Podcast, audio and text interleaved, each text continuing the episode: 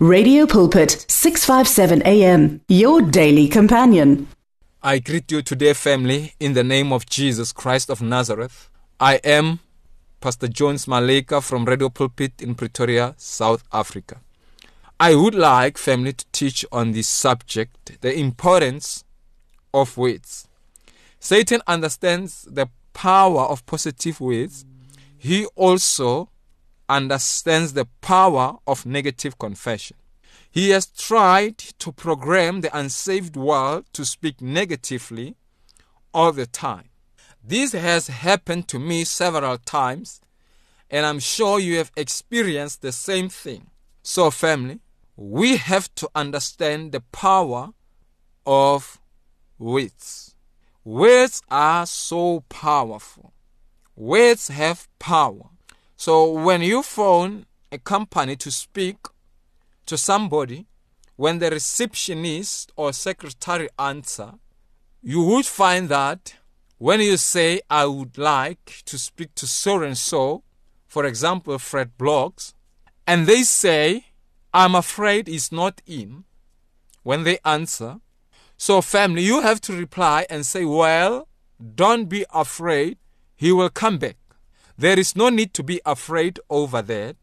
We know they are not afraid, but the point is, people confess their fears without even realizing it. They are programmed to speak negatively.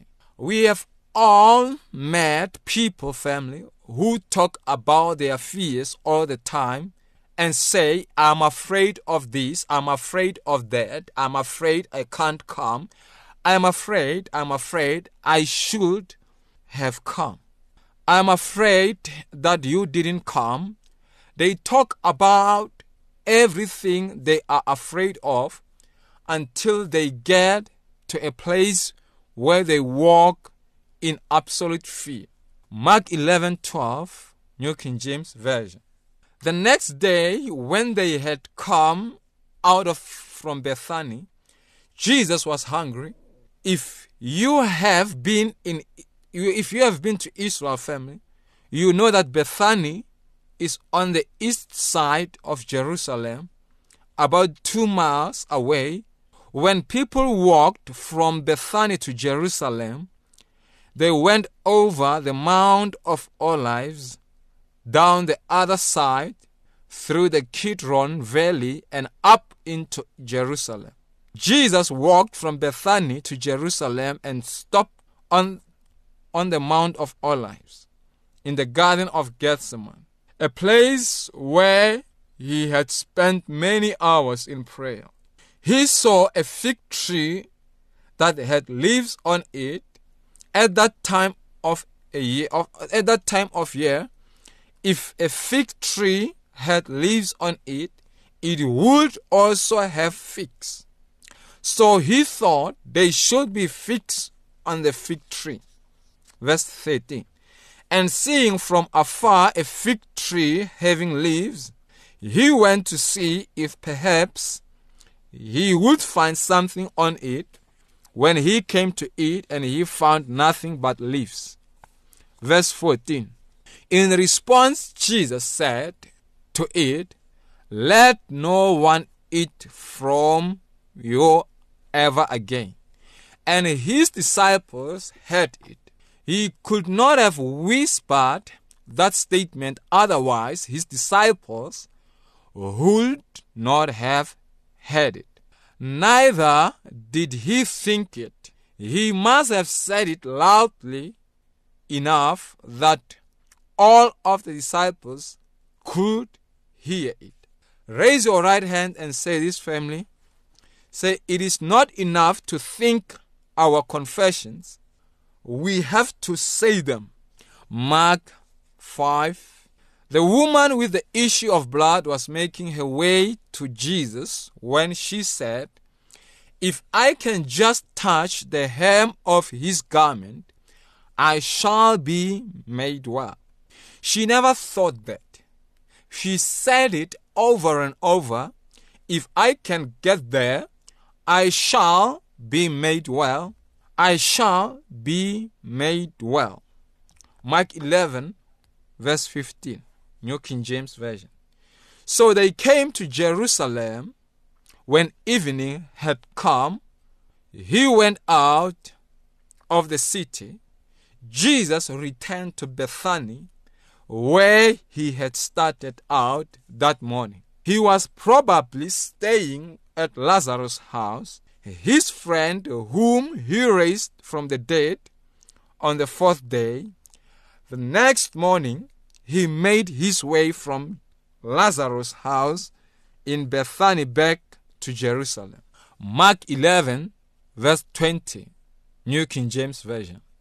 Now in the morning, as they passed by, they saw the fig tree dried up from the roots. Verse 21. And Peter, remembering, said to him, Rabbi, look, the fig tree which you cursed yesterday has withered away. Now Peter said that Jesus cursed the fig tree when all he said to the trees was, Let no man eat fruit from you again. Jesus did not say, Peter, don't accuse me of cursing this tree. I just spoke to the tree. Jesus did not defend himself. Instead, he agreed. Jesus cursed the tree intentionally because it was non-productive tree. It was supposed to have been bearing fruit and it was not. We can see this great truth from Peter's statement, family. Anything negative I ever say is a curse according to the Bible. Let us imagine somebody has a four year old and in his son's presence, he says to his friends, My wife and I barely made it through school. I guess little Johnny is as dumb as we are, maybe dumber. He will never make it through school. I pity him when he goes to school. That parent might as well take a little Johnny down to the witch doctor and say, Mr. Witch Doctor, curse my son with as much stupidity as you can muster. Alternatively, they say, My wife and I never communicate. We just have a bad relationship. Why not say, My wife and I have a great relationship? Perhaps they confess, My kids are so unruly. I don't know how I'm going to manage them. Why not say, Praise God, I have obedient kids, and give God a chance to work with the kids? Or perhaps God will teach you how manage them, how to manage them. If that's the cause of the problem, Family, raise your right hand and say this with me. Say, confession is possession. Say, anything negative I ever say is a curse according to the Bible. Say this, family.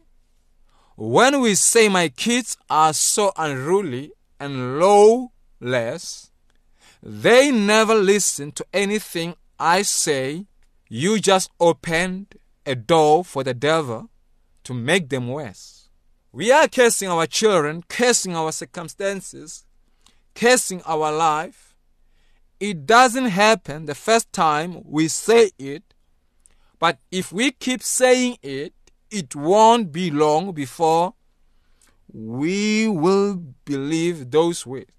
If we keep saying it soon enough, we are going to believe those words the moment we believe them and say them again, we release creative force, we release the ability of God or the ability of the devil. Mark 11, verse 23. Let's read Mark 11, verse 22, 22, not 23. New King James Version. So Jesus answered and said to them, Have faith in God. Peter had just pointed out that Jesus spoke to the tree and it died. Now the Lord says to disciples, I want you to have faith in God. The Worrell Translation says it this way Mark 11 22. And Jesus answering and said to them, Have the faith of God, have the faith of God. Some translations have this written in the margin. Have the God kind of faith. Jesus was telling the disciples as they looked at the fig tree, have the God kind of faith. In other words, Jesus is saying you can use the God kind of faith in your life the way I use the God kind of faith on this fig tree.